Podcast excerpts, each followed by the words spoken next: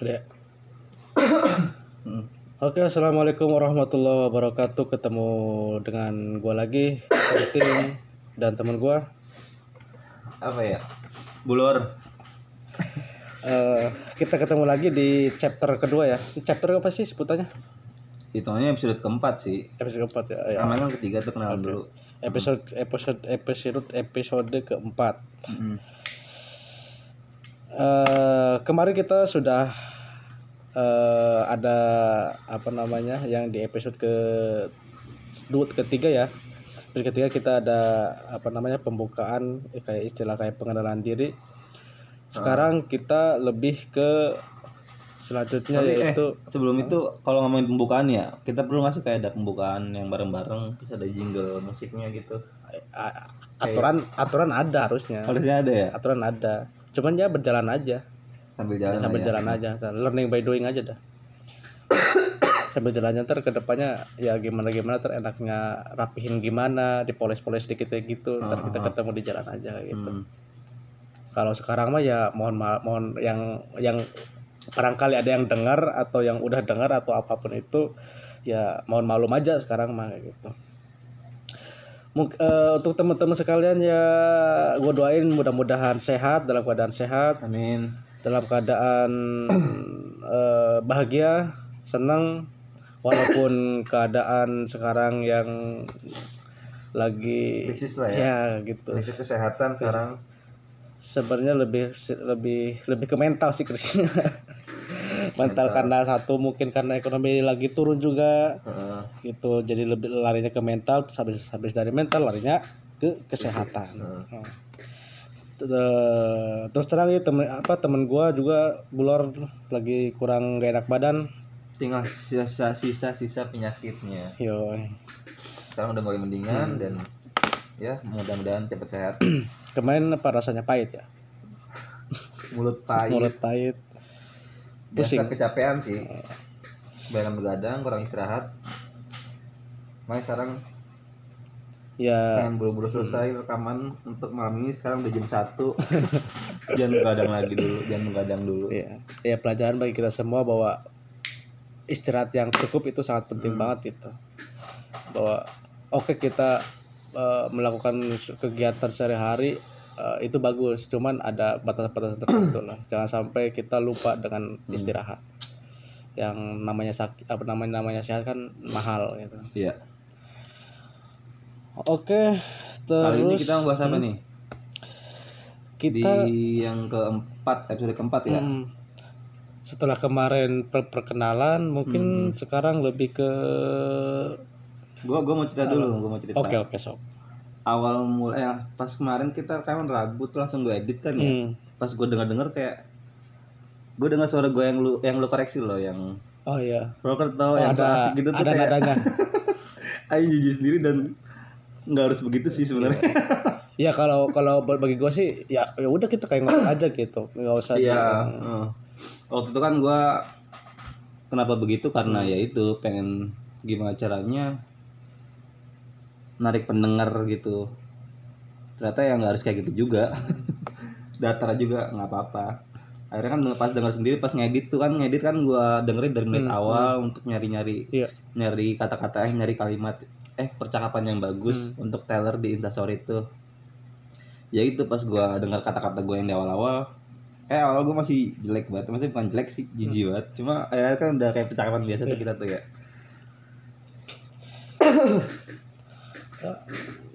Ya nggak apa-apa kan kalau nggak kayak gitu kita jadi nggak nggak tahu juga kan. Iya. Atau kita dilebay-lebayin gitu kayak ada nadanya kayak orang nyanyi kayak gitu.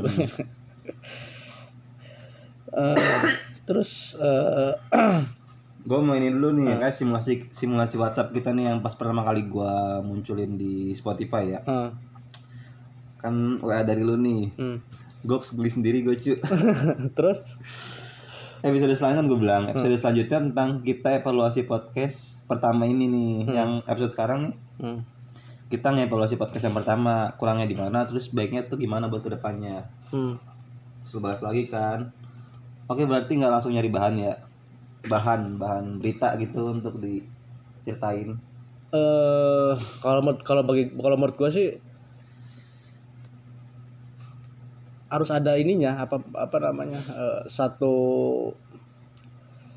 benang merahnya gitu loh satu triggernya lah entah itu topik apa pun gitu tapi ntar- ntar kita ketika kita udah udah udah udah kayak gini gitu ya itu ngalir ngal- ngalir aja kayak gitu entah itu entah itu bisa yang penting pembahasan itu kena kayak gitu. Nah, kalau respon lu gimana nih yang episode pertama kemarin? Pesan dan pesan. ya Menurut lu gimana pas pertama kali gua share terus lu dengerin sendiri? mm. Menurut lu gimana tuh?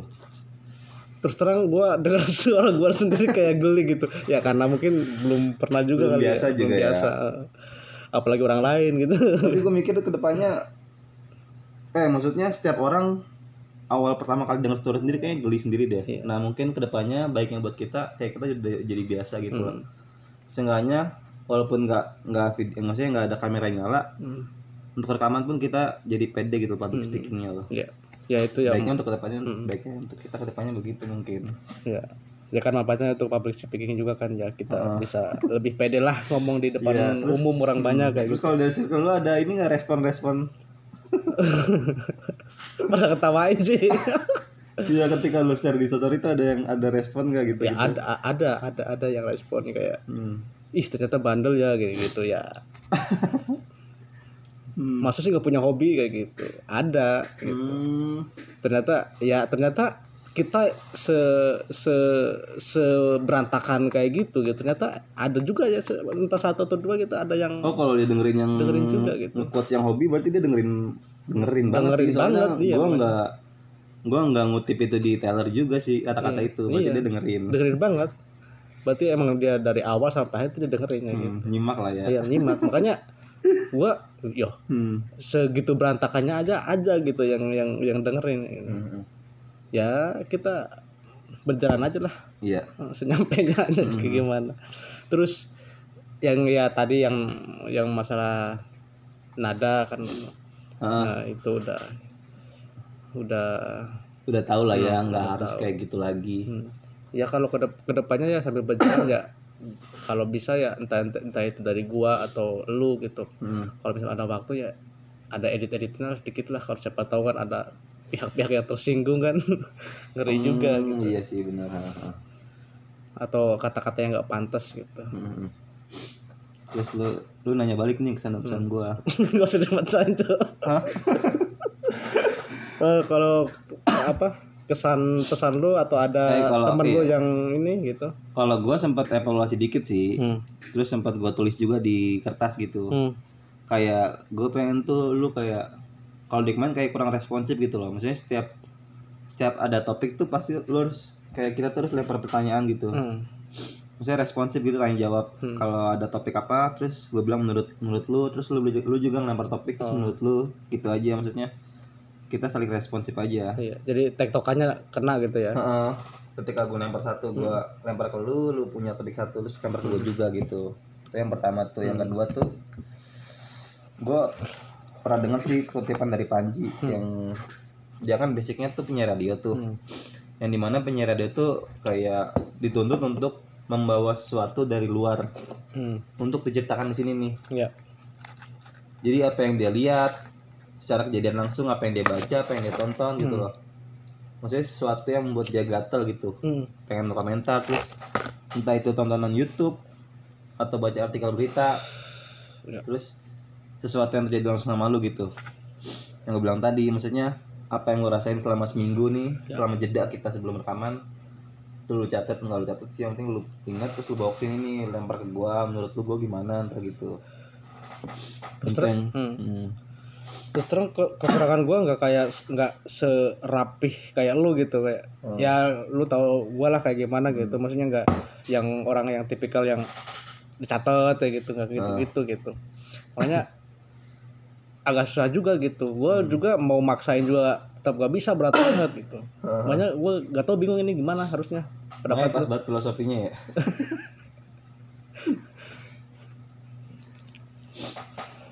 tadi udah terus kalau ini pas tadi siang lu WA kan ya? Hmm. tadi siang tuh lu WA, WA malam oke nggak nih? Bilang gitu kan temennya gue sempat agak ragu juga sih. Soalnya dalam keadaan gue yang lagi begini juga Oh. masih agak agak sakit. Oh ya cuma nggak tahu lagi. Terus lu tiba-tiba lempar mau ngelempar topik baliho sama kelucuan nikah politikus kan? Hmm. Ya itu itu gara gara gara-gara isu yang Heeh. ya, akhir-akhir ini yang lagi rame gitu sampai kayak salah satu politikus di apa dituntut sama maki itu kan. Tapi tapi sebelum itu nih gue mau cerita lagi. Apa tuh? Kan gue sempet maksudnya yang tadi gue ceritain di awal tuh loh. Hmm. pengen podcast yang kedua ini tentang evaluasi diri. Ya kalau muasabah kayak gitu. Ah, enggak bukan sebelum sebelum itu dulu. Oh. Jadi gue nanya dulu ke teman gue nih eh introspeksi diri bahasa Islamnya tuh apa ya? Oh. terus gue ingat-ingat tuh depannya tak entah entah tabayun tawadu tafakur. Terus gue akhirnya nge-search sendiri di Google introspeksi diri se, se- secara Islam. Hmm. ya namanya muasabah ternyata. Hmm. jadi episode kali ini judulnya muasabah. Kalau kemarin kenalan. Oh. hmm, muasabah evaluasi episode 1 introspeksi diri antara kita yang kemarin lo ya Hmm. Maksudnya lebih ke podcastnya kan bukan ke Hmm. Terus maksud, maksudnya tuh gimana tuh? Mau kan lu balas tuh. Hmm. Muasabah podcastnya apa personalnya? ya kan maksudnya kan beda kan podcast sama personal kan beda kalau misal muhasabah tentang kita sebagai personal lu atau gua gitu kan ya kita ceritain di sini masalah apa eh, perhitungan kan muhasabah kan dari katanya kan sebenarnya apa dasarnya kan perhitungan kan. Kalau dalam segi dari dari sisi bahasanya Ah. arti sisi bahasanya. Tapi kalau dari sisi mananya kan apa namanya eh, suatu eh, kegiatan untuk perenungan diri gitu untuk memper- memperbaiki diri untuk apa bagaimana caranya supaya esok tuh lebih baik kayak gitulah intinya. Heeh. kayak gitu. Nah untuk kalau misal untuk untuk podcast berarti kan lebih ke evaluasi bahasanya bukan bukan muasabah Oh, gitu. muhasabah. kalau muasabah lebih ke apa ya sub- subjek lebih lebih lebih ke apa ya Objek eh. subjek lebih lebih ke orang gitu lebih ke Oh gitu. mm Tapi nggak apa-apa kita belajarin aja judulnya. iya nggak apa-apa Muasabah katanya. iya nggak apa-apa muasabah atau evaluasi lah Iya. gitu Ketika lu ketika lu per, sih, keluar pertanyaan begitu tuh muasabah podcastnya personalnya terus kan gue balas kan Hmm. podcastnya lah personal mah kita udah sempurna banget nggak perlu muasabah lagi nah maksudnya ketika lu ngelempar ketika lu balas pengen ngelempar topik baliho sama kelucuan tingkah politikus Hmm. mungkin nih kalau saran gua bisa dicampur sama konsep muasabah Hmm. introspeksi diri kita terhadap isu ini tuh apa Hmm. nah maksudnya evaluasi kita aja kita nggak usah ngoreksi pelaku pelaku itulah yang ada di baliho. Introspeksi dari kita aja kita perlu ngapain sih untuk nanggepin isu ini? Oh gitu. Ya kalau menurut gue sih terkait misal tokoh-tokoh tertentu yang yang yang pasang-pasang baliho ataupun eh, suatu dinas atau kementerian atau apa pun itu yang istilahnya kayak eh, eh, eh, memamerkan pro- proyek kerjanya tapi tipe, tapi tetap ada harus ada foto foto ketuanya lah atau foto eh, menterinya atau siapa pun itu atau di angkatan di TNI atau di kepolisian pasti tuh pasti ada tuh. Eh, misalnya eh di satu jalan gitu kan berantas apa namanya covid gitu tapi tetap harus ada gitu orangnya gitu. Emang harus kayak gitu banget gitu ya oke lah untuk apa eksistensi eh dia sebagai personal ya oke lah. Itu itu itu itu itu eh, masalah masalah dia gitu. Tapi untuk untuk kita gitu. Jadi kalau bagi, bagi gue kelihatan kayak Nora gitu. Noranya apa? Ya masa ya harus harus harus banget itu ditampilin kayak gitu. Harus harus ditampilin. Emang nggak ada cara cara yang lain kayak gitu. Banyak kok cara-cara yang lain gitu untuk mem- eh, untuk untuk mem- memamerkan atau misalnya untuk eh, hal pencitraan itu masih ada cara bukan dengan cara baliho gitu. apalagi sekarang di dun- dunia internet itu gampang banget kan. Kita tinggal pakai ad- pakai adsense aja udah gampang udah. Tinggal modal berapa sehari atau sebulan berapa sih? Kayak gitu. Sekarang kan orang di jalan cuman orang cuma lihat cuma sekilas doang. Hmm. kita ke jalan ke mana cuma lihat baliho udah sekilas doang. Tapi kalau di internet bisa lebih tapi kayaknya kalau untuk sekarang gue mikirnya masih maksudnya ketika kita ada di posisi itu juga kita pasti bakal kayak gitu sih sebenarnya maksudnya kayak apa ya untuk sekarang maksudnya yang lo bilang tadi internet tadi lo ya Hmm. Hmm. di internet pun sekarang masih kelasnya menengah ke atas dan itu masih untuk kalau untuk grassroots tuh masih kena banget Hmm. ya kayak gue tuh sempet dari dulu tuh sempet kayak apa ya ke kayak gatel gitu pengen ikut komentar. Maksudnya ketika ada di pinggir jalan tuh banyak banyak bendera-bendera partai gitu. Hmm. maksudnya apakah emang di- diperlukan gitu? Ketimbang maksudnya dasar gue kan masih sering ngomentarin krisis maksudnya sampah-sampah sama alam gitu lah ya.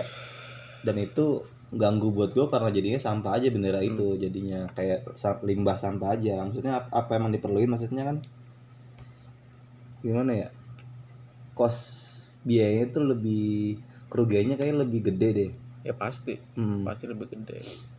Bikin baju bikin bendera terus iya pasang terus sampahnya juga jadinya kayak udah habis itu jadi sampah gitu aja. nancep- nancepinnya di, di pohon lagi. Heeh. terus apa emang gue mikir apa emang masih ini terus gue pikir lagi kayaknya untuk sekarang yang gue bilang tadi di internet pun masih menengah ke atas dan grassroots kayaknya masih masih kena masih kemakan kayak gitu gitu tuh. Sementara pemilihan setiap pemilihan juga yang pasti milih juga yang grassroots.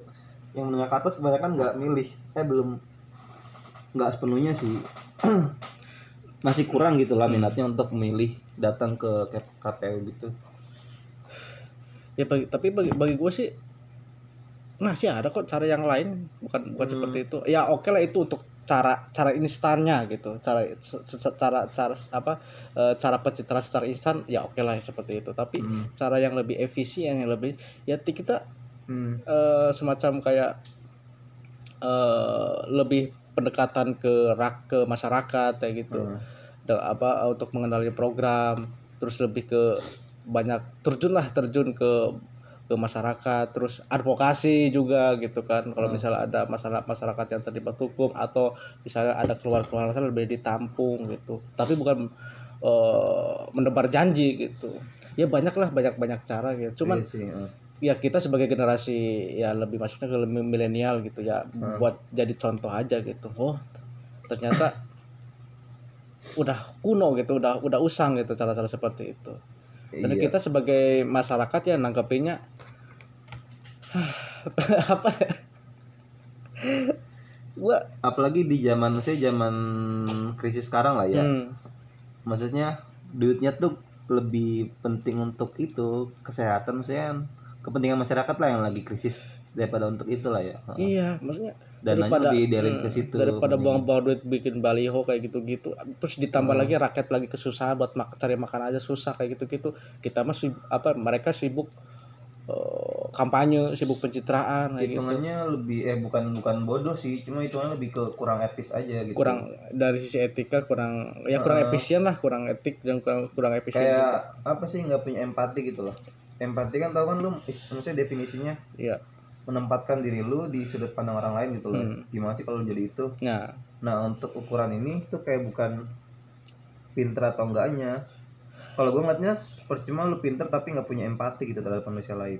Nah kasus ini tuh contohnya kayak ya emang dipinter sih punya duit tapi kayak nggak punya empati aja itu dan gue gue liatnya tetap kosong aja manusia itu. salah salah satu eh, sa- salah satu yang bikin politikus politikus kita eh, nggak maju gitu jalan di tempat itu salah satunya itu karena karena empati gitu nggak bisa merasakan perasaan orang lain gitu. Hmm. Nah kalau ngomongin soal empati, ada nggak tips untuk lu untuk gimana cara kita untuk punya rasa empati dalam diri kita? Eh, dari sisi pikiran gitu dari sisi dari sisi pikiran jangan langsung ngejudge intinya. Hmm. kita maksudnya eh, walaupun walaupun kita dalam posisi benar gitu walaupun kita dalam posisi benar eh, melihat orang dari posisi salah tapi jangan langsung ngejudge bahwa orang itu salah kayak gitu. Menurut gue sih itu yang paling simpelnya kalau iya kalau kalau ngomong itu gue pernah dengar quote yang bagus sih Panji. Apa tuh? Benar belum tentu lu apa sih? Kalau walaupun lu bener lu belum tentu harus apa sih? Gue lupa lagi. Negor ng- ngungkapin Apa- iya maksudnya? Ah gue lupa lagi. Up. Ya intinya ya kalau yang kalau soal ngejudge baik lagi dong kayak kemarin kita itu loh maksudnya. Hmm. mereka yang menghakimi lu bukan karena belum tentu memahami lu gitu loh. Hmm. Mereka yang memahami lu nggak mungkin menghakimi lu sih Hmm. ya kan berarti kan kalau udah udah kalau udah punya uh, punya pikiran seperti itu otomatis kan Hmm. kita punya empati punya empati bahwa bahwa, bahwa kita bahwa, bahwa- ber- ber- ber- apa berpikiran bahwa uh, bagaimana kita berada di posisi mereka Hmm. yang susah makan atau misalnya susah cari kerja atau susah apa gitu jadi Tapi kita lebih kalau ngomong gitu gue jadi inget tuh sama temen gue yang pernah cerita gitu kuncinya untuk orang terbuka tuh buat empati tuh kalau solusi dari dia tuh jalan jalan keluar jalan-jalan aja. Dia dia punya contoh satu kasus deh. Dia pernah kayak geli sendiri loh ngeliat orang. Seneng banget ketika ngeliat eh foto kereta atau bis gitu. Kok bisa ya orang misalnya bahagia gitu? Padahal cuma gitu doang gitu kayak ngerasa gimana gitu kayak ngerasa aneh terus ngerasa kayak underestimate duluan. Hmm. tapi dia ngeliat senyumnya loh senyumnya yang dia dapat orang itu ketika mau bis. Hmm. Sama senyum yang dirasakan ketika dia ngelakuin hal yang senang itu sama. Hmm. jadi dia, dia nempatkan diri untuk dia nempatkan diri kepada maksudnya di orang itu. Gimana kalau dia yang dia di situ? Ya sama aja bahagianya orang gitu. Terus ketika lu jalan keluar juga lu nemu sesuatu yang beda ya lu jadi paham aja. Itu. Mungkin itu sih salah satu tips buat kalau dari temen Iya. gue yang gue tangkap gitu. Jalan jalan keluar sih ya jalan keluar maksudnya artinya eh tadi jadi dengan dengan kita sering keluar sering terus ketemu pengalaman pengalaman Oh. peng- apa pengalaman pengalaman baru gitu Iya. fenomen fenomolo fenomo apa fenomenologi apa sih fenomon fen- fenomenologi itu apa anjir ya itu ketemu ketemu ketemu fenomena Iya, fenomena kayak ketemu kejadian-kejadian baru kayak gitu-gitu. Ah. Jadi yang tadinya kita cuman eh, pengetahuan kita cuman dalam ruang lingkup kamar kamar kita gitu. Hmm. Seenggaknya kita jadi ya jadi berpikir terbuka jadi ya jadi serumah kayak Ah. gitu. Terus keluar lagi lebih luas lagi lebih luas, lebih luas lagi jadi sekomplek gitu. Hmm. Ibaratnya kan kayak gitu.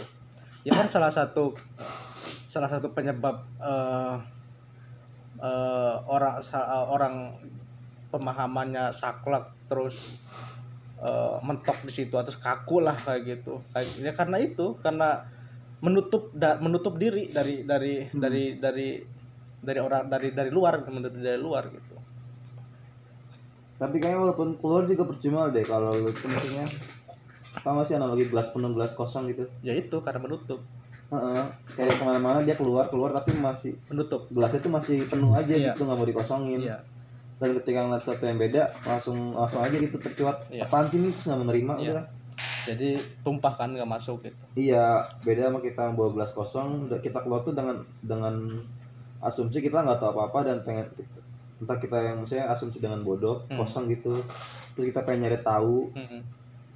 kalau situ kan bagusnya lu bisa dapat sesuatu dari hal yang enggak dari seorang yang gak lu suka sama sekali gitu loh Hmm. kayak gue kan ada cerita lagi nih ya gue nggak su gue nggak terlalu suka sama ini orang nih Hmm. Terus temen gue cerita eh kemarin kemarin si A ngom eh misalkan namanya siapa ya? Siapa namanya? Si A lah ya. Ah jangan si A. Abdul namanya nama Abdul. Ah, jangan Abdul juga. Abdul temen jangan. Ferry lah ya Iya. Ferry Ferry. Ah. jadi teman dekat gue cerita sama si Ferry. Ferry ini gue mas emang gak terlalu suka juga cuma biasa aja. Hmm. Eh si teman gue cerita eh si Ferry ngelakuin A. Eh sekarang ngelarang ngelakuin A padahal dulu- dulunya dia ngelakuin A. Terus gue langsung walaupun gue gak suka sama Ferry tapi gue langsung fokus ke kata dulu. Hmm. dulu dia begini terus dia sekarang begini. Paham gak lu maksudnya? Maksudnya mau mau gue bawa ke mana nih arahnya nih? Kayak kayak semua orang berubah gitu nggak mungkin ngelakuin hal yang sama itu tuh terus. Iya. mungkin emang bener dia dulu nolak. Hmm. tapi kenapa sekarang dia ngelakuin ini? Ya itu yang gue bilang semua orang berubah. Kalau sekarang kan lagi rame tuh ya. Lu nggak sih tahu istilah cancel culture nggak sih? Cancel culture. Apa tuh? Iya, ketika ada kalau itu rame di Twitter ya. Jadi ada tweet-tweet lama seorang tokoh gitu yang dulunya dia bertolak belakang. Heeh. nah itu diungkit lagi ke atas. Diungkit lagi ke zaman sekarang gitu loh. Hmm. terus dia harus komen lagi itu itu tuh gue dulu tau sekarang gue udah kayak kayak gitu. Terus dia Hmm. minta maaf lagi. Terus ketika dia lagi naik lagi sama dia diungkit lagi. Ada ada orang yang ungkit lagi tweet lamanya. Hmm. kan sekarang lagi ramai kayak gitu tuh. Hmm. maksudnya orang harusnya mikir sih. Maksudnya se, se waktu kan berkembang gitu zaman berkembang. Dan kita juga pemikirannya berkembang dong mungkin dulu kita begini sekarang kita udah mikir lagi dan nggak nggak ngelakuin kesalahan yang sama yang dulu kita pernah lakuin Hmm. Hmm. intinya ya buat muhasabah diri ya kita jauhkan da- dari rasa merasa paling benar ya nggak sih Oh ya kalau kalau kesimpulan yang tadi ya Iya. yang gue tangkep mungkin itu kenapa Ali kali yang ngomong ya Hmm. jangan berharap sama manusia siapa sih yang ngomong itu iya betul Ali kan iya maksudnya gue jadi nangkep eh gue jadi nyimpulin mungkin itu kenapa kali ya Ali ngomong jangan pernah berharap sama manusia. Ya karena itu.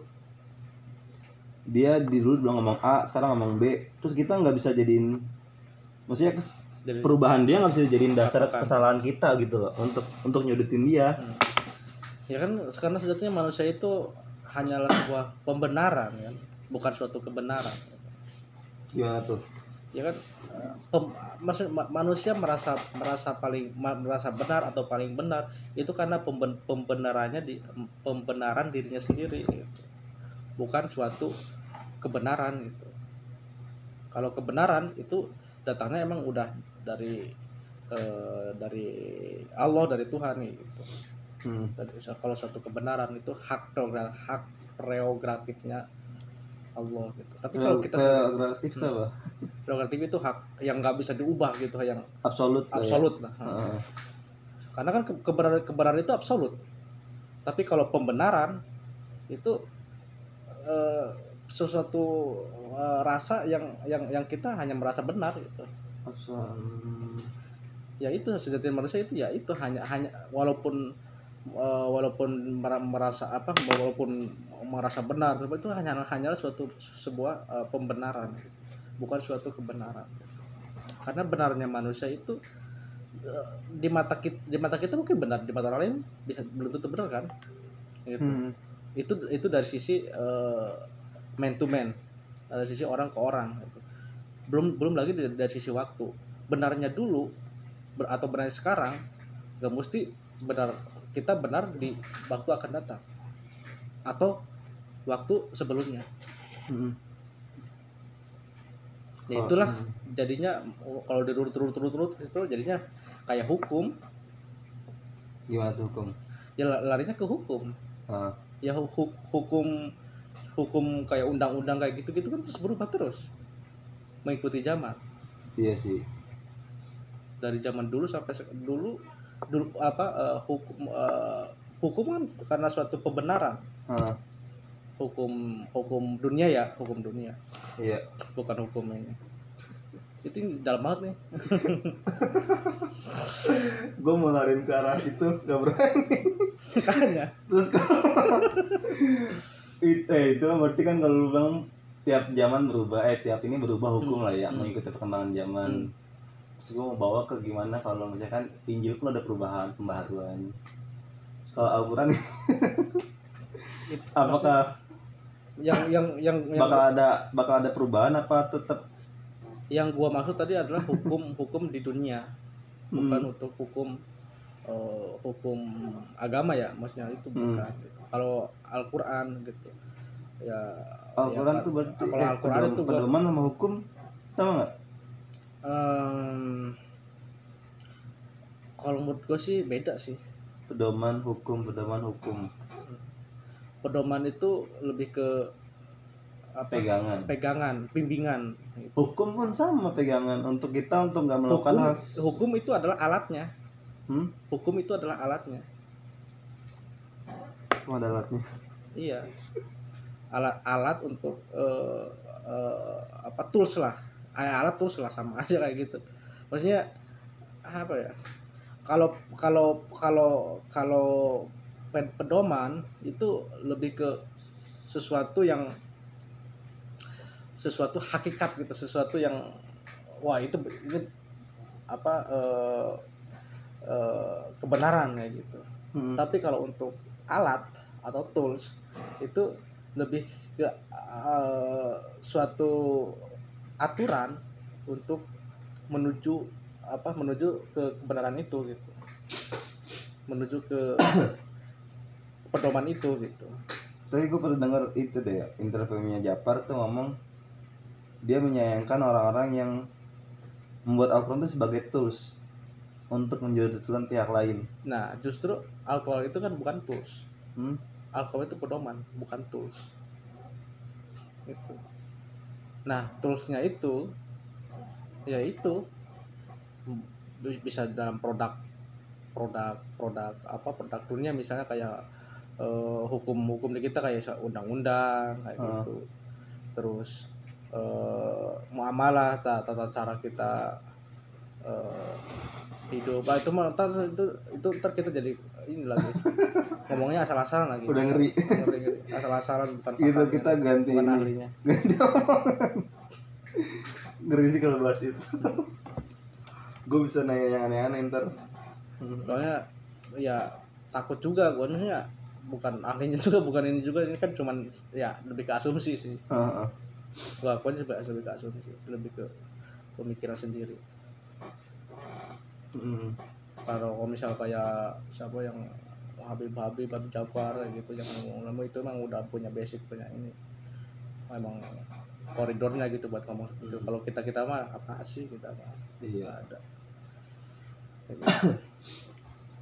terus kembali lagi ke mana tadi Ke mana? Baliho aja. baliho aja lah yang aman. Oh. sebenarnya baliho juga gak ngeri juga sih tapi lebih aman lah soalnya kan salah satu tools juga itu Iya iya. Apa ada lagi yang mau lu bahas tentang baliho? Hah. sebenarnya bukan Bagaimana bukan bukan bukan bukan di baliho aja sih ya baliho mungkin itu salah satu subnya salah satu salah satu percik percikannya Tapi kalau yang Lebih bahas baliho tadi kan kayak ada video Panji yang bagus em, yang cukup menarik lah ya. Iya. Maksudnya ada dua tipe untuk naik loh. Yang pertama pakai baliho, yang kedua pencitraan dengan menunggangi suatu isu. Eh, yang di video Panji Panji itu Dia punya dua tuh. ada tiga Hah? ada tiga yang yang yang tiga yang harus di eh, ya isi Ada dua ya, tipe bukan, kan? bukan Eh. yang harus sih yang sebaiknya di eh, dikurangi atau dihilangkan lah kalau bisa kayak gitu Hmm. yang yang pertama baliho terus yang kedua apa tadi lupa nih gua. Hmm. Eh, Yang gue tangkap tuh dia menyayangkan yang baliho, tapi harusnya tuh mereka ini nunggangin nunggangin suatu isu loh yang kayak. yang kedua ini apa Hmm. mengurangi kalau dalam suatu perdebatan gitu mengual- meng- mengurangi Oh, itu yang mengurangi di TV loh ya? kuantitas gitu. Heeh. Meng- meng- mengur- mengurangi kuantitas tapi mengedepankan kualitas perdebatan itu gitu Heeh. jadi jangan kan Jadi kalau yang sekarang teriak-teriak. mm, yang Hmm. teriak-teriak cuman apa volumenya doang teriak gitu, teriak tapi di di isinya TV kosong tapi nggak ada nggak ada isinya gitu loh Heeh. tapi solusi yang ketiga lebih bagus sih tapi belum tercapai kalau tercapai kan di luar tuh Hmm. di mana dia kayak mendukung suatu undang-undang. Nonton habis itu nggak lo oh iya. Satu undang-undang. Tapi itu belum bisa tercapai di sini. Mungkin a- udah ada sih mungkin mungkin bisa, ada. heeh. ada se- sebenarnya udah ada. Cuman ya gitu kan di kita kan ramenya yang kontroversial yang kayak yang gitu-gitu doang. Cuman eh, yang apa eh, untuk untuk kampanye di posisi kita itu masih belum efektif lah istilahnya kayak gitu. Hmm. mungkin sudah ada kayak gitu gitu Eh,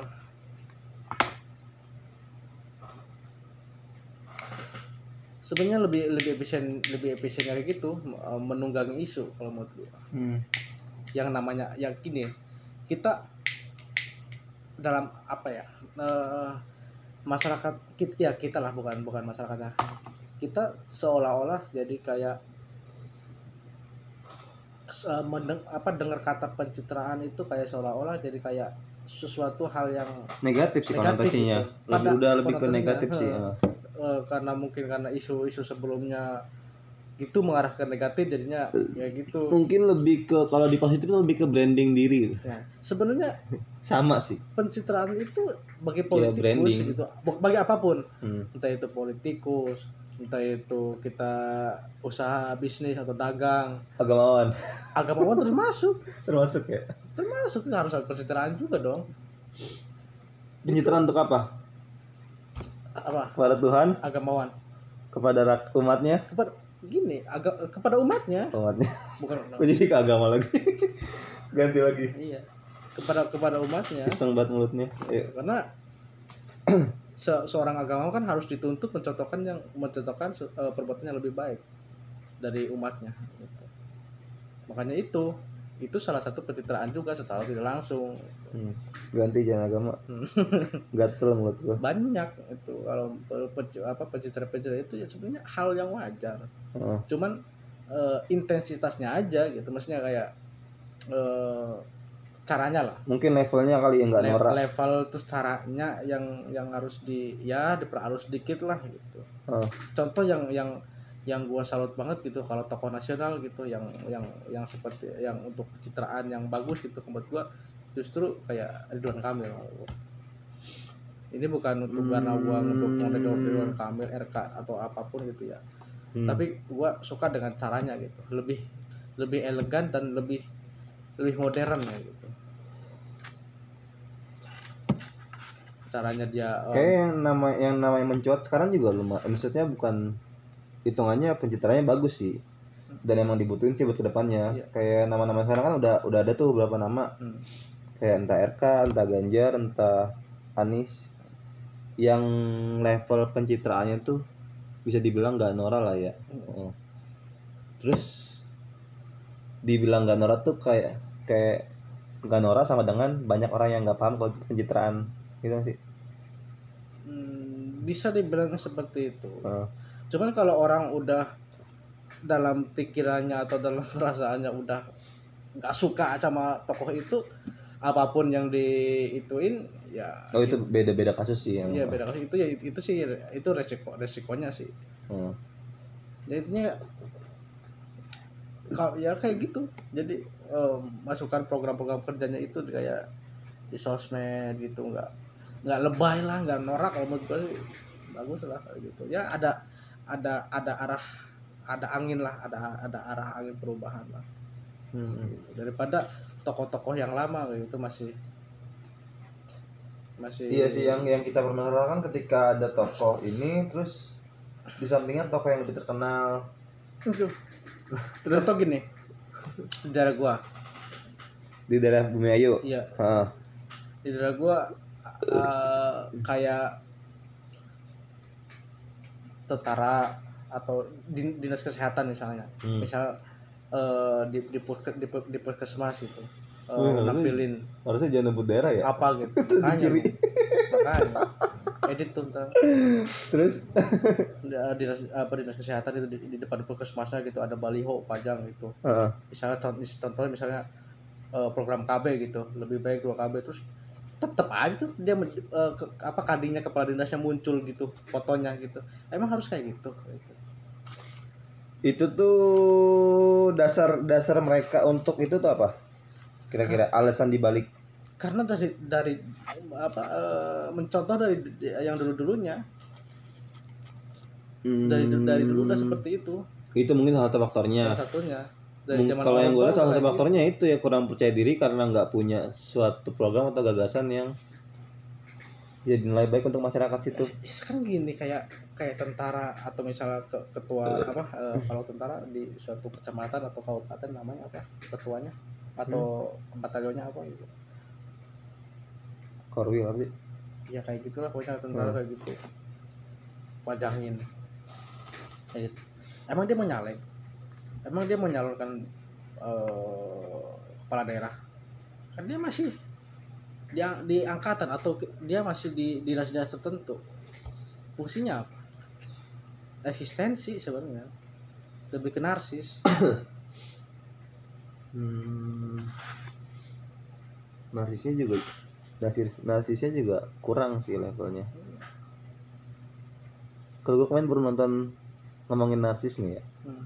gue kemarin baru nonton serial Netflix yang judulnya di mana How to be a tyrant gimana caranya lu jadi apa sih seorang Hitler Hmm. Mussolini Iya.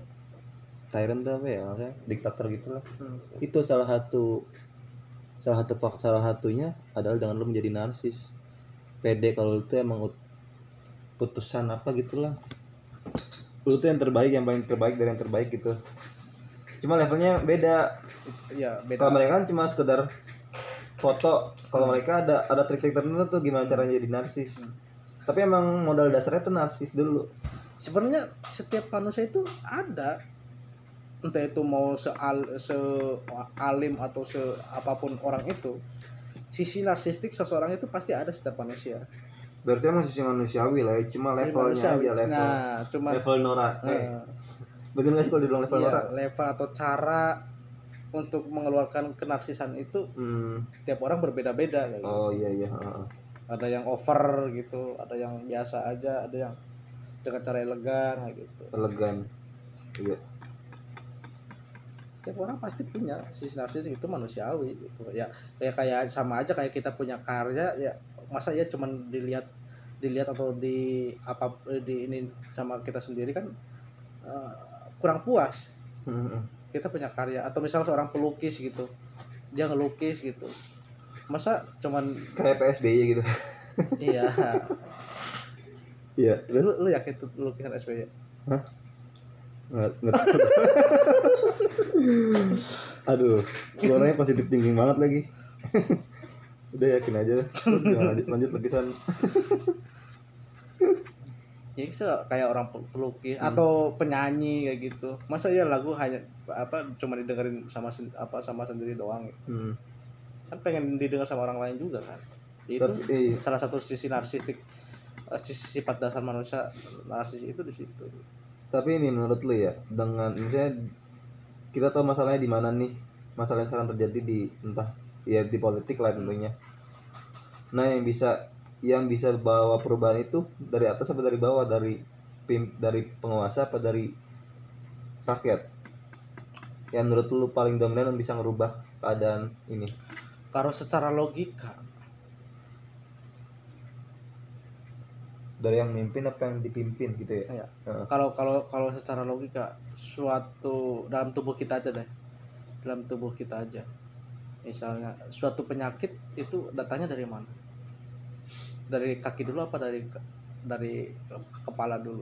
Dari pikiran dulu? Kepala sih. Kalau kalau kita ngikutin logika. Heeh. eh gimana maksud lu? Ya artinya kepala berarti kan kepala dulu dong kalau kita ngikutin, ngikutin logikanya gitu ngikutin logika logika dasar lah. Gitu.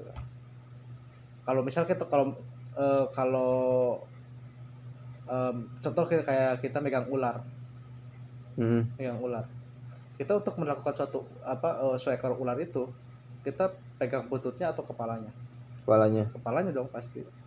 Atau kambing atau Oh. eh, sapi. Ketika mau disembelih di korban gitu kan.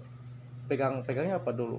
Supaya eh, bukan apa dulu sih bukan eh pegangnya apa? Kepalanya dong biar biar biar bisa tapi kalau analogi itu kalau pakai kalau kita pakai analogi itu. Heeh, kayaknya nggak masuk kalau kita nunggu perubahan dari atas deh. nah.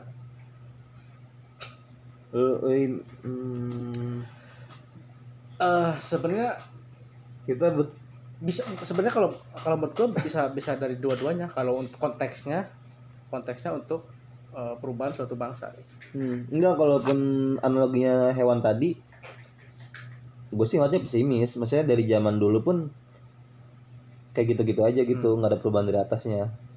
Cuma kalau lu kalau ada istilahnya Vox Populi tau gak sih lu? Suara rakyat. Hmm. nah itu yang kalau gue lebih dominan ke arah situ untuk satu perubahan loh. Nah kalau gue selalu nekenin maksudnya gini loh. Mau sebuah apa pun pemerintah kita kalau rakyatnya rapih mikirnya gitu pinter masih bisa kita dobrak. Bobroknya itu di mana carinya di mana gitu loh. Beda sama yang kalau dodonya bobrok makanya gue lebih nekenin rakyat sih. Maksudnya perubahan dari rakyat. Hmm. yang bisa bawa perubahan untuk ke atasnya. Eh, ya kalau konteksnya negara kalau mau- kalau menurut gue sih bisa dari dua-duanya. Nah, bisa dari kepalanya dulu atau bisa dari bawahnya dulu. Tapi kalau ngeliat keadaannya sekarang kan kayak kalau keadaan sekarang lebih ini kan. Apa lu lihat ada udah ada pergerakan ke arah kebaikan nih dari atas yang perlahan-lahan mulai misalnya dari oposisi yang perlahan-lahan mulai kalau sih? kalau kalau gua untuk untuk untuk negara kita sebenarnya entah dari atas dari dari atas itu gua malah sebenarnya optimis kalau gua terus terang. Optimisnya eh banyak cara banyak eh, cara-cara lama atau norma-norma lama yang sekarang itu kayak seolah langsung dihantam langsung habis nih. Contoh kayak zaman-zaman Orba gitu. Hmm. Seolah kan nggak tersentuh atau nggak usah zaman Orba ada zaman kemarin zaman sebelum presiden apa SBY aja. Ah. Seolah itu presiden itu yang nggak tersentuh gitu. Oh, presidensial oh. bukan ya itu itu sistem beda Hmm. lagi maksudnya seolah seolah itu so- sosok presiden itu sosok yang suci sosok yang sosok yang gak pokoknya temboknya tebel lah ya antara tebel presiden sama gitu, rakyat. heeh, gitu. ada Jauh, gap ada gap lah ada gap jauh. mm, Heeh. ada gap. Coba sekarang. Beda banget gitu. Seolah seolah-olah nggak ada gap gitu. Bahwa tapi itu karena ada internet bukan sih? Ngaruh. Salah satu pengaruhnya itu. Heeh. salah satu pengaruhnya. Dan terus eh, muncul kemu- kemunculan ke- apa politisi-politisi yang apa yang kandidat atau ini kalau menurut gue sih ada perubahan kecuali kalau misalnya masih orang-orang lama gitu Heeh. rasa orang-orang lama ya pasti rasanya rasa orba juga gitu Iya. Tapi kalau gua tetap sih maksudnya yang di bawahnya dibenerin loh. Maksudnya lu sering maksudnya kita, ah, maksudnya gua ngikutin Kania yang di mana dia nekenin di di di sosmed untuk kita gimana caranya mikir tau sih yang postingan yang gue share di sosmed itu Iya. iya itu sih yang penting Hmm. ngeri ngerinya kalau misal apa eh, bergerak bergerak atau perubahan dari bawah ngerinya kalau misal kebablasan ya jadi terjadi revolusi gitu. contoh kayak tahun 98 98 sebenarnya itu itu apa pilihannya dua revolusi apa reformasi gitu. akhirnya pada waktu itu aktivis aktivis aktivis sama eh, pemerintah yang waktu itu berkuasa gitu akhirnya milih jalan tengah-tengah akhirnya milihnya reformasi Tapi kalau gue pikir 98 itu pun ada andil dari pihak atas ya pasti. Pasti. Suatu kejadian itu untuk pasti. maksudnya ada domba yang bawah ke atas tapi kalau yang di bawah udah rapi mau dibakar sekalipun kayaknya nggak bakal kemakan gitu loh.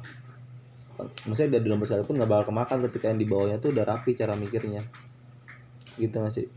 Ya sekarang kita kalau yang dulu kan gue pikir yang pemerintah tahun 98 mungkin ya karena itu masih belum terlalu rapi mikirnya. Masih Sekarang- kayak gampang dibakar atau gimana sekarang gini kalau misal mungkin lah ya maksudnya hmm, takut takut menyinggung pejuang 98 maksudnya takut mengucilkan enggak ini maksudnya nggak bermaksud mengucilkan cuma opini pribadi yang ke arah situ atau enggak pertanyaan pertanyaan aja.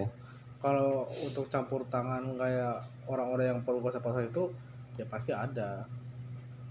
Pasti ada.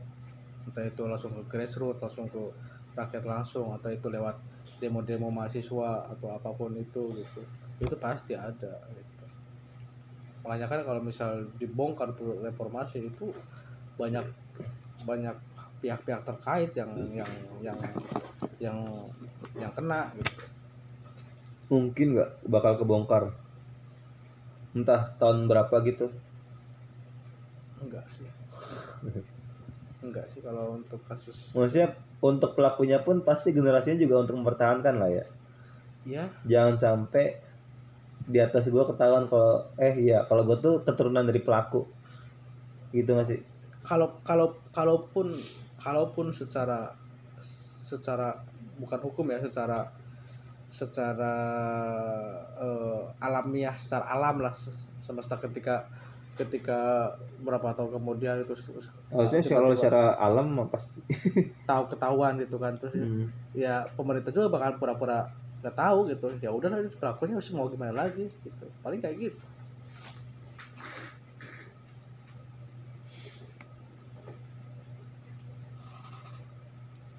Soalnya kan kalau oh 98 sama kayak tahun 65 jadi bukan ranah negara lagi. Jadi ranahnya udah pengadilan internasional bisa jadi kalau misal pengen diusah tuntas kayak gitu cuman kayaknya ya negara juga yang menghalang-halangi juga soalnya kan banyak tokoh-tokoh berpengaruh juga yang yang yang ikut itulah itu mah berat juga sih kalau itu lebih kita kan ngomong dari tadi ngomong Iya, maksudnya opini gitu. Untuk politik pun maksudnya kita bukan orang yang berpolitik maksudnya secara pandangan, pandangan umum pribadi aja. pandangan pandangan, pandangan pribadi. umum pandangan orang bawah lah ya terhadap politik sekarang itu gimana nggak bisa dijadiin acuan juga terus tapi ya sekarang agak hati-hati juga sih agak agak ngeri ya dengan adanya itu yang kita tahu rame itu UITE yang bisa kena sama siapa aja gitu Iya. mungkin kita sekarang nggak bakal kena karena kita bukan siapa-siapa juga Hmm. tapi ya nggak tahu mungkin ke depannya bakal emang kita bakal jadi siapa juga sih hmm. ya intinya kita berdua berharap maksudnya untuk seorang yang mungkin punya rasa peduli terhadap Hmm. Indonesia karena yang udah kita bahas di episode pertama tentang kita hidup di sini dan apa yang maksudnya apa yang timbal balik apa yang udah kita kasih ke sini loh Hmm. ya timbal baliknya berupa kita peduli sama kondisi politik negara gitu Iya. dan berharap sih bisa ke arah yang lebih baik perubahannya untuk ke depannya lebih sehat permainannya terus nggak mau nggak gampang dibego-begoin lah iya benar eh. jadi eh, dengan cara kita bisa beropini kayak gini gitu seenggaknya Hmm. kita tahu oh ini mana nih orang yang benar-benar eh, ngedukung eh benar-benar pure mau berjuang untuk rakyat oh mana orang yang ya Oh. bisa seenggaknya minimal bisa bisa bisa membedakan kayak gitulah iya benar maksudnya dengan obrolan ini kita pun kita jadi berstuk, bertukar perspektif lah ya Hmm. eh, soal pandangan politik masing-masing dan berharap ke depannya juga ketika ada yang mendengarkan ini pun ya kita pengen jadi ini aja rasa kepedulian terhadap politik. Iya. Karena terhadap negara lah ya. Ada gitu lah seenggaknya ada aja. Ada aja dulu. Karena kalau bukan kita ya siapa lagi yang Iya, ngejaga hmm. negara ini yang ngejaga bangsa ini kalau kita bukan kalau generasi kita ya, ya siapa lagi gitu. Hmm. kayak mungkin kalau gue pikir nggak nggak perlu muluk-muluk untuk bawa perubahan deh. Yang penting sekarang peduli aja dulu. Iya. ketika lo peduli jadi tahu kan mana letak salahnya ada di mana. Terus kalau udah tahu kesalahan di mana yang dipikirin selanjutnya adalah gimana gimana Iya. cara ngubah kesalahan itu untuk nggak keulang di masa depan gitu loh Hmm. intinya yang lebih yang cara simpelnya gimana cara apa eh, gimana caranya nolak dari eh, entah itu dari partai entah itu dari caleg entah itu dari apa nolak duit udah kalau misal udah bisa nolak duit berarti itu mantap itu udah ya seenggaknya udah eh, tanggung jawab dengan dirinya sendiri gitu. Kalau alasan kalau alasannya sebatas nolak duit salah satu faktor nolak duit lah ya. Ya mungkin salah satu kunci perubahannya ada itu ngidupin ekonomi. Rakyat di mana kita tahu eh maksudnya nggak terhasut lagi sama duit. Nah. Eh, ya hal salah satunya membangkitkan ekonomi dari rakyat ke rakyatnya lah. Udah stabil gitu. Kalau sekarang kan ibarat kata dijanjiin duit segitu aja kan mending kita pilih makan buat besok kan. Yang di mana dapat duit dari partai eh, daripada lima tahun kita sengsara. Eh, bukan lima tahun kita sengsara daripada lima tahun kita dibego-begoin lah. Heeh. Iya sih mungkin. Ya solusinya sekarang itu aja. Bisa nggak? Sadar secara sadar sih mikirnya. Bisa secara sadar aja. Jadi tahu mana yang salah mana yang bener maksudnya bukan salah bener sih mana yang baik untuk kita ikutin. Dan mana yang kurang baik juga. Terus eh, untuk menyikapi orang tua kita ya udahlah mereka berada di dunia silahkan kayak gitu. Kita mah sebagai generasi muda ya generasi penerus generasi muda ya jangan ngikutin orang-orang tua kita yang kurang baik gitu dalam hal pandangan politik atau apa pun itu gitu lu ngerasain kan ngomongin orang tua ya justru itu karena kan lagi orang tua kan konservatif banget lah gitu. gua termasuk orang tua gua gitu entah itu dalam jodoh dalam hal jodoh dalam hal memilih Keyakinan. pasangan keyakinan terus arah hidup gitu seolah-olah PNS itu udah hmm, berhasil udah sukses Bu- kayak gitu. boomer apa sih boomer ya eh generasi Z apa X Hmm. gitu lah katanya sebelum milenial apa tuh intinya sih eh bukan, bukan intinya sih maksudnya beda halnya kalau kita dari sekarang tuh nggak peduli gitu loh Hmm. kan para pelaku yang busuk dulunya juga kan punya generasi itu Hmm. generasi penerusnya nah jangan sampai kita kita nggak peduli generasi penerusnya itu yang ngelanjutin pelaku buruk itu loh Iya. Karena orang tua jadi terus terusan aja gitu keulang ya karena orang orang tua orang tua kita itu pasti generasi generasi orba. Gimana generasi orba itu? Ya tahu sendiri. Apa apa uang rokok. Apa apa uang bensin. Sampai sekarang masih ada itu mah ya itu kan salah satu warisan dari Hmm. terus oh, petentengan oh, bawa, bawa pakai pakai seragam gitu pas dulu yang kasus itu yang dulu tuh yang pembakaran polsek di Cira, di Ciracas atau apa ya? Yang polisi sama TNI. Ber, ber, ber, ber- ngurusnya apa coba kok sama sama sama ini kok sama-sama penjaga masyarakat gitu penjaga keamanan masyarakat gitu. Tiba-tiba kok kayak gitu gitu. Seolah gua tentara paling hebat seolah gua polisi paling hebat. Hmm. ya kita terus terang masyarakat masyarakat kita masih eh, memandang bahwa oh, berseragam itu seolah-olah buat jadi kekuasaan gitu kayak kebal hukum Hmm. contoh kayak gini gue paling lucu kalau misalnya ada tentara bawa motor nggak pakai helm pakai seragam jalan seenak seenaknya gitu Hmm. Itu masih kejadian sekarang, zaman sekarang. ya Kita, hmm, iya kalau cerita itu mungkin sekarang udah mulai inilah ya tergerus. Kalau lihat di sosmed tuh sebenarnya gitu, udah pada alergi. Gue terus terang salah satu orang ya, eh, nggak apa lah ya Hmm? nggak apa lah ya gue salah satu orang yang paling alergi sama ya nggak semuanya sih tapi kelakuan yang negatif kelakuan negatif para mereka yang berseragam terus terang Iya stigmanya sampai sekarang masih ke bawah sih ke jadinya negatif aja gitu lah ya. Hmm. jadi kayak seolah-olah paling berkuasa paling jagoan paling yang merasa paling gitu karena berseragam gitu Gue nggak berani sih pengen ngomong. bodo amat ntar edit aja Iya. Jujur takut banget sekarang. Iya, kayak lu aja ya gitu aja. Contoh contoh kecilnya misal kita lagi jalan di di, di- jalan-jalan trail, jalan trail utama gitu kan. Masyarakat biasa pakai helm. Dikasih tentara gitu oknum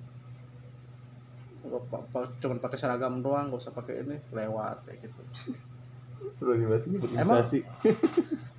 emang emang maksudnya emang eh, apa kita jatuh lah itu emang kita selamat dengan seragam itu kan nggak juga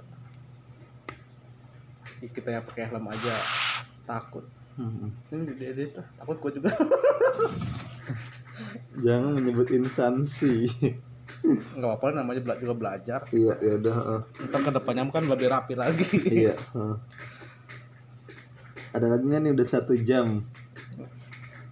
Ya ini tadi ya kita soal berpolitik udah kita jelasin kan tadi intinya di tengah-tengah ya harus secara sadar punya empati terus gimana triknya yaitu jalan keluar jangan keluar terus sering dengar orang lain sering lihat li sering lihat bukan Hmm. sering sih eh, ya nyoba lah nyoba. Nyoba. Nyoba keluar nyoba hmm, hidup orang lain seperti apa kayak gitu. Hmm.